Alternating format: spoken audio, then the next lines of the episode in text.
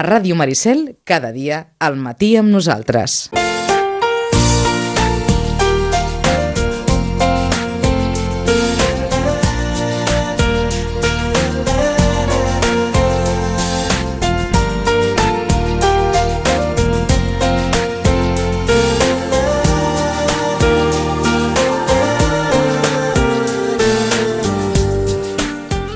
Vinga, dos minuts per arribar a tres quarts eh, d'onze. Repassarem eh, l'agenda de, les, eh, de, de les biblioteques, d'aquestes biblioteques que, que bé, que estan eh, encara amb aquell mig gas que, que ja comentàvem el mes passat, però amb moltes ganes de, de, de que arribi gent, de que, de, de, de que surtin els llibres, que és, diguem, l'aliment bàsic d'aquestes institucions culturals. Marta Sánchez, bon dia.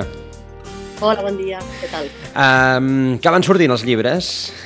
Sortint, i tant. Surten amb, amb bosses i tot. Amb bosses i tot surten.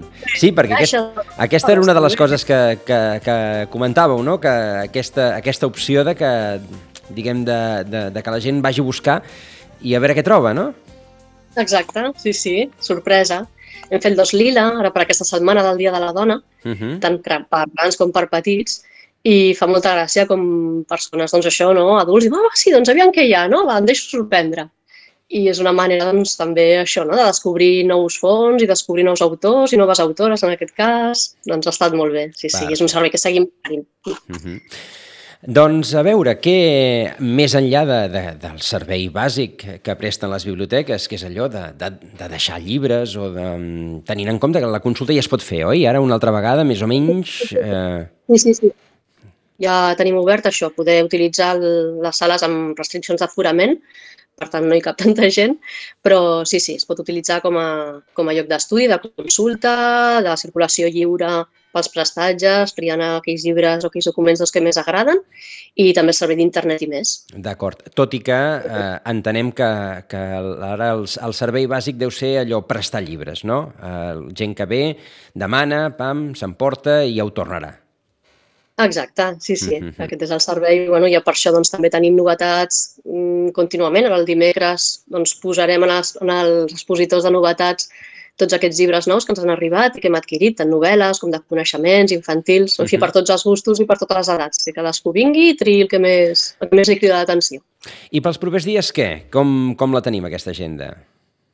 Tenim agenda amb novetats mm. perquè d'ençà del dia 8 que podem començar a oferir activitats presencials a la biblioteca. Llavors, doncs, bueno, amb això estem recuperant actes que s'havien quedat pendents, que s'havien cancel·lat en el seu moment, perquè recordem que vam poder fer actes a la biblioteca presencials al mes d'octubre i després ja no. I ara, doncs, això, a partir del dia 8, que hem pogut tornar a reprendre l'agenda, i mica en mica també perquè, clar, hem de seguir totes les, les normatives i protocols de seguretat, d'higiene, de ventilació, etc etc. -hmm. i per tant hem de fer compatible també el tema de visites escolars que hem començat a oferir amb clubs de lectura, per tant són, són dues programacions no? que, clar, que abarquen molts dies perquè són molts clubs, són moltes visites i fer-ho compatible amb la resta de programació perquè només podem oferir una activitat al dia, és a dir, si al matí hem tingut una visita escolar, a la tarda no podem ocupar la sala amb res més pel tema de neteja i tot això. Però bé, estem preparant aquesta retornada a la presencialitat amb moltes ganes, recuperant coses que havien quedat pendents, amb el Sant Jordi a la cantonada i, per tant, doncs, amb tota aquesta feina il·lusionant d'organitzar-ho i, i amb coses que us podem avançar, que vindran. Uh mhm. -huh. Doncs, si, si et sembla, les, les podem començar a repassar, aquestes, eh, aquestes propostes dels propers dies. Uh -huh. Doncs mira, comencem el dia 25 de març amb una hora del conte, que encara serà virtual, serà a càrrec de la tija, el grup sitjatà, i a l'hora del conte s'hi titula Mirant al cel, perquè mirant al cel hi podem veure moltes coses, doncs les descobrirem amb la tija, de moment encara a través del, de l'Instagram, de del, del, una sessió virtual per Instagram de Bibliositges, però amb molta il·lusió, a part de que ho fa la tija, doncs amb molta il·lusió perquè és l'última virtual que, que farem i la veritat és que ja em sembla que tots estem una mica cansats de mirar-nos el compte per la pantalla i de totes maneres també volíem agrair a totes les famílies, als nens i nenes, això, no? papes i mames que ens han acompanyat durant tot aquest temps de fer-nos el compte virtual, perquè encara que no ens hem vist les cares, els notàvem que estaven allà i que posaven cors i que feien comentaris i, per tant, doncs, molt agraïdes d'aquest seguiment que hem tingut amb les hores del compte virtual. Doncs aquesta serà l última, mirant al cel, un any. amb la tija, el 25 de març. Un any d'hores del compte virtuals al final, no? déu nhi Sí, sí, sí, sí. Uh -huh. Començar a fer això amb el confinament, de seguida ens hi vam posar i bé, doncs aquí s'acaben. Uh -huh. Aquest doncs serà el dia 25 de març. El dia 26, el divendres 26, tindrem la primera, el primer acte presencial com a tal, com a xerrada a la biblioteca i serà una recuperació del Liceu VIP amb una sessió a càrrec de la Verònica Mainés, que és musicòloga, crítica musical, professora de piano, és moltes coses i, per tant, molt experta en el tema què, del que ens parlarà que serà sobre els primers teatres operístics públics a la Venècia del Seicento. És una, una xerrada molt interessant perquè ja us dic que ella és molt experta, però com que, clar, les activitats presencials segueixen sent amb aforament limitat i amb preinscripció prèvia, doncs hem pensat que també era just de reservar aquesta sessió per a les persones que es van apuntar en el seu dia, en aquell Liceu VIP de novembre, que es va quedar cancel·lat i que, per tant, ja s'havien inscrit, i llavors havíem fet una nova proposta i sí que té places lliures perquè algú no pogués venir, llavors obriríem a la resta. Però de moment hem pensat que era just això, no? de recuperar les persones que en aquell dia es van quedar amb les ganes de poder venir a la biblioteca a escoltar, a escoltar la xerrada del Liceu VIP. Serà el dia 25, a dos uh -huh. quarts de set. De moment, reservades les places a les persones que en el seu dia es van apuntar. En tot cas, ja obriríem i informaríem per xarxes, per correu, en fi. D'acord. Recuperació del Liceu VIP, segona de les propostes. Uh -huh. Uh -huh. La, els clubs de lectura, eh, els que ens han enganxat això, no? abans d'aquest dia 8, doncs, evidentment no s'han pogut fer, però a partir de reprenem. Ja vam fer el de literatura francesa el dia 9, justament, i ahir vam fer el, de, el protagonista jove, amb els nois i noies que s'havien apuntat per parlar sobre Thornhill. Thornhill va anar molt bé, ens vam passar molt bé, vam estirar de molts fils d'aquest llibre que recomanem a tothom, no només adolescents, sinó també adults. I els propers seran el Club de Lectura Infantil Aurin, el de teatre Llegim al Teatre, que encara no l'hem pogut estrenar de manera de manera presencial bé, ni, ni virtual, l'Àgora, Literatura Universal, en fi, començarem la roda ja de, dels clubs de lectura.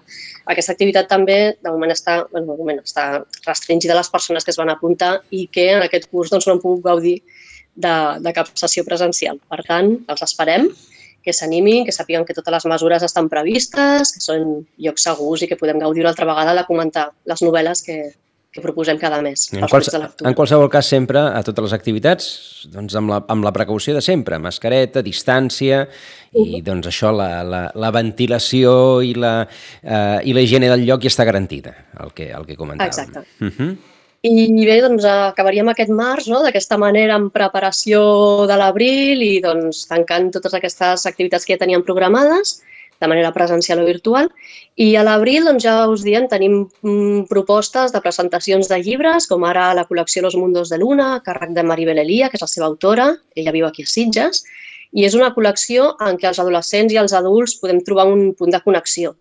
Són llibres que estan enfocats a adolescents, però que també tenen una part en què els pares i mares no, ens podem sentir mm, més a prop d'ells, entendre'ls millor no, en aquest món tan, tan seu i serà la presentació en principi el dia 1 d'abril, ho hem d'acabar de confirmar, però en tot cas les xarxes, a les agendes, al butlletí que anem enviant cada mes, doncs tot això ja sortirà detallat. Estem tancant aquestes programacions. El dia 8 vindrà el Pol Avinyó del Liceu, del Gran Teatre del Liceu de Barcelona, a parlar-nos sobre Otelo, en el Liceu VIP. També tenim pendent la presentació d'un llibre del Marc Figueres, la seva segona novel·la, Salto al vacío, el 15 d'abril tindrem l'escriptora Eva Baltasar, que ens presentarà Boulder, un llibre molt, molt conegut, amb molt d'èxit. És una activitat organitzada per l'Òmnium Cultural i que la farem a la biblioteca. Després tindrem tot el gruix de Sant Jordi i d'altres coses que també s'estan coent i s'estan preparant. El 29 d'abril tenim un espectacle musical que es diu De pel·lícula i és un recorregut per la història del cinema però a través de les bandes sonores de les grans pel·lícules des dels anys 30 fins a l'actualitat. Cada dècada doncs, es destaca una, una pel·lícula i en directe doncs, es tocarà la banda sonora d'aquella pel·lícula. Anirà a càrrec de Carlos Olartecoechea perdó, i d'Anna Grimau amb els textos. Tornarem a programar-nos el compte presencials al mes d'abril, això sí, i a la Biblioteca Josep Roig i Raventós tornaran a ser presencials, setmanals, i per tant es podrà entrar a la biblioteca, que fins ara, com recordem, que no es, no es pot utilitzar encara com a lloc d'estudi ni de consulta, per triar llibres sí, i també a partir de l'abril doncs, a fer hores al compte de manera presencial. I tot això anirem obrint els formularis d'inscripció a la web inscribirme.com, allà doncs podreu estar no, al, al dia de tot el que es va obrint, amb les dates, les places disponibles. També tindrem la informació, com sempre, a les xarxes socials, als blogs de les biblioteques, amb l'aplicació Telfi, que també és una nova manera d'estar en comunicació amb la biblioteca per estar al dia tant de notícies com de fer-nos consultes, que descarregar-se l'aplicació Telfi, entrar a la comunitat Biblioteques de Sitges i allà doncs, també anirem trobant doncs, totes aquestes informacions. Uh -huh. Perquè una pregunta, Marta, eh, les activitats presencials que es, que es preveuen totes són amb, amb, a prèvia demanda, prèvia inscripció? Sí, perquè, clar, que el que ens marquen molt en el nostre cas no és tant l'aforament, que podria ser del 50%, sinó la distància, que ha de ser de metre i mig. Clar, la, la sala Lolita Miravent no és especialment gran i, per tant, hi caben com a molt 16-17 persones si ens diuen que són grup bombolla i per tant poden seure junts, en fi, és tot una, mm. una història perquè puguin cabre dues persones més, no? Però sí, després també hem de portar control de qui entra a la sala, per tant hem de tenir els contactes, Llavors, tot això ens, no, ens fa que hagi de ser així amb inscripció prèvia i, evidentment, si una activitat, doncs, en aquell moment en què es fa, no està plena i ve algú, podrà entrar, però, clar, l'aforament és molt petit i molt limitat, llavors és molt fàcil que 15 16 places de seguida s'omplin. Mm -hmm. Per tant, s'ha de, eh, sobretot, aquesta, aquesta web, m'has dit inscribirme.com, Exacte, que sí, és la... hi ha un centre de biblioteques de Sitges uh -huh. i hi ha tot el, tot els, bueno, en fi, tots els formularis per poder-se inscriure a les activitats amb tota la informació de cadascuna. Okay. Uh -huh. Una dada, en aquest cas, eh, important, més enllà de l'agenda, la, de no només conèixer quan passen les coses, sinó també com inscriure's per poder, per poder assistir. Perquè hi ha la previsió de que hi hagi també una certa virtualitat paral·lela, és a dir, que hi hagi la possibilitat que determinades activitats que tenen doncs, aquest aforament tan limitat, doncs la gent també les pugui, eh, d'alguna manera, seguir des de casa, tal com s'ha seguit durant la pandèmia. És, la, la idea sí que hi és, hem de mirar de la manera de fer-ho, de fer-ho uh -huh. possible i de fer-ho bé, és a dir, que s'escolti bé, que el so sigui correcte, que no sigui una càmera, que un, vull dir, un mòbil, que no es vegi bé, si ho fem ho volem fer bé, uh -huh. i per tant, doncs sí, estem, estem buscant les maneres de que en cas de que fos presencial i també es pogués gravar i després doncs, poder-ho difondre, que fos amb qualitat, i, però sí, sí, és una, és una bona idea i tant. És una, sí. és una necessitat que en el fons ens, ens ha portat la pandèmia, com tantes altres, per exemple, fer una entrevista, eh, en lloc de tenir la Marta aquí, doncs eh, fer-la a través d'una connexió de mit. En qualsevol cas, les, eh, totes aquestes, aquestes propostes lligades en un mes d'abril que, que té un Sant Jordi pel mig que, que, que no se sap ben bé com acabarà sent aquest Sant Jordi tampoc, oi? No, sí, sí, sí. De moment nosaltres anem fent la, la llisteta dels nostres estimats autors locals i autores locals, uh -huh. perquè hi són els protagonistes molt destacats de, de Sant Jordi a Sitges, i també preparant altres coses per part de la biblioteca que no depenguin tant si es pot fer, si no, si és presencial, si és virtual. Doncs, bueno, tenim un seguit d'idees de no, de, per poder oferir i celebrar el Sant Jordi doncs, com cal, vaja, dintre mm -hmm. de les circumstàncies. I el vam l'any passat amb, amb aquella pena, doncs aquest any serà molt millor, això segur. Eh, és, és el que ara anàvem a dir. En qualsevol cas, no serà el Sant Jordi de l'any passat el que, el que tindrem no. aquest any. Ja... No, esperem que no, no, no. Tot indica que la situació en absolut és la mateixa, per tant, uh -huh. esperem Sí. -huh. Com a bon, bon principi, la biblioteca està oberta, per tant, això per nosaltres ja és molt. Ja és molt, que, que l'any passat no, no ho estava. És veritat, quan, quants, quan, quant de temps va estar tancada la biblioteca, Marta? Ara que fa un any... La biblioteca any... va estar doncs, des, de, sí, des del 13 de març, uh -huh. que ja ens van dir que havíem de tancar, aquella tarda doncs, bueno, vam estar porta tancada i d'una manera molt, molt estranya, i el 14, doncs clar, tothom ja cap a casa, no? I, i vam obrir el 2 de juny, fins al 2 de juny vam obrir portes una altra vegada, amb tota aquella història de la cita prèvia, controlant l'entrada, només préstecs i retorns. I a partir d'aquí, doncs, miqueta en miqueta, hem anat avançant amb reculades, amb avançaments i uh -huh. més reculades. I la... Però sí, sí, des del 30 de març fins al 2 de juny. Fins al 2 de juny. I després... Amb, eh, I la Ratge Reventós va obrir el 14 de setembre, si no m'equivoco. D'acord. Eh, I a més a més, amb tota aquella murga de la desinfecció dels llibres i del temps de quarantena que, que han d'estar els llibres, que això encara es manté, oi? Quan es retornen... Això encara es manté, el que passa que s'ha rebaixat. Al principi, no, aquell, aquell 2 de juny i fins uns mesos després eren 15 dies de quarantena uh -huh. i ara els tenim dos dies, són 48 hores. D'acord. Uh -huh. Clar, 15 dies era molt exagerat, però bueno, en aquell moment, doncs, no, tot sigui la seguretat. Quan però no en dos dies uh -huh. està comprovat que si hi ha algun... No, el virus doncs, ha pogut estar en els llibres, ni, no es queda ni en el plàstic del folre, ni a la cola dels llibres, ni en la roba, que, ni a la tela que tenen en la quadernació, ni en el paper. I sí, sí, dos dies estan tancats en caixes i d'allà no, no es mouen. De moment, recorda'ns els, eh, els horaris, els horaris es mantenen, no? Aquest, eh, aquest horari en el que sempre hi ha una biblioteca oberta, però no simultàniament les dues. Exacte. Ho dic biblioteca per biblioteca, però si s'ajunten, doncs hi ha Mhm. un encaix. De Santiago Rossinyol tenim obertes les tardes, menys el dimecres, és a dir, dilluns, dimarts, dijous, divendres, de dos quarts de quatre a les vuit. I el dimecres, de 10 a 2. I a la Roig i Reventós, les tardes de dilluns, dimecres i divendres, dies alterns, i els matins de dimarts i dijous, al mateix horari, de dos quarts de quatre a vuit i de 10 a 2 als matins. Mhm.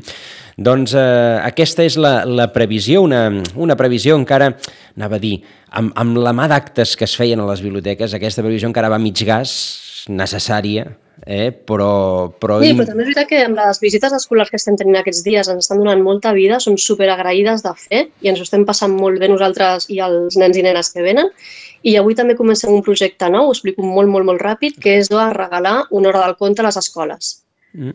Perquè puguin gaudir, encara que sigui un curs, una classe, no? cada escola doncs, ha fet els seus grups bombolla, evidentment aquí no ens podem moure, però que puguin gaudir d'una hora del conte presencial a la seva escola amb tota la seguretat, perquè són grups bombolla, però junts i, en fi, doncs això els regalem les biblioteques i, i comencem avui, anem a l'Escola Agnès de Sitges, amb la Mhm. Sandra Rossi, esperem que tothom s'ho passi molt bé. Doncs eh, molt contents també de, de poder-ho explicar. Eh, Marta Sánchez, moltíssimes gràcies per aquesta estoneta i abans de Sant Jordi ens tornem a saludar doncs, quan ja sapiguem ben bé aquesta programació per la, per la, per la Diada del Llibre.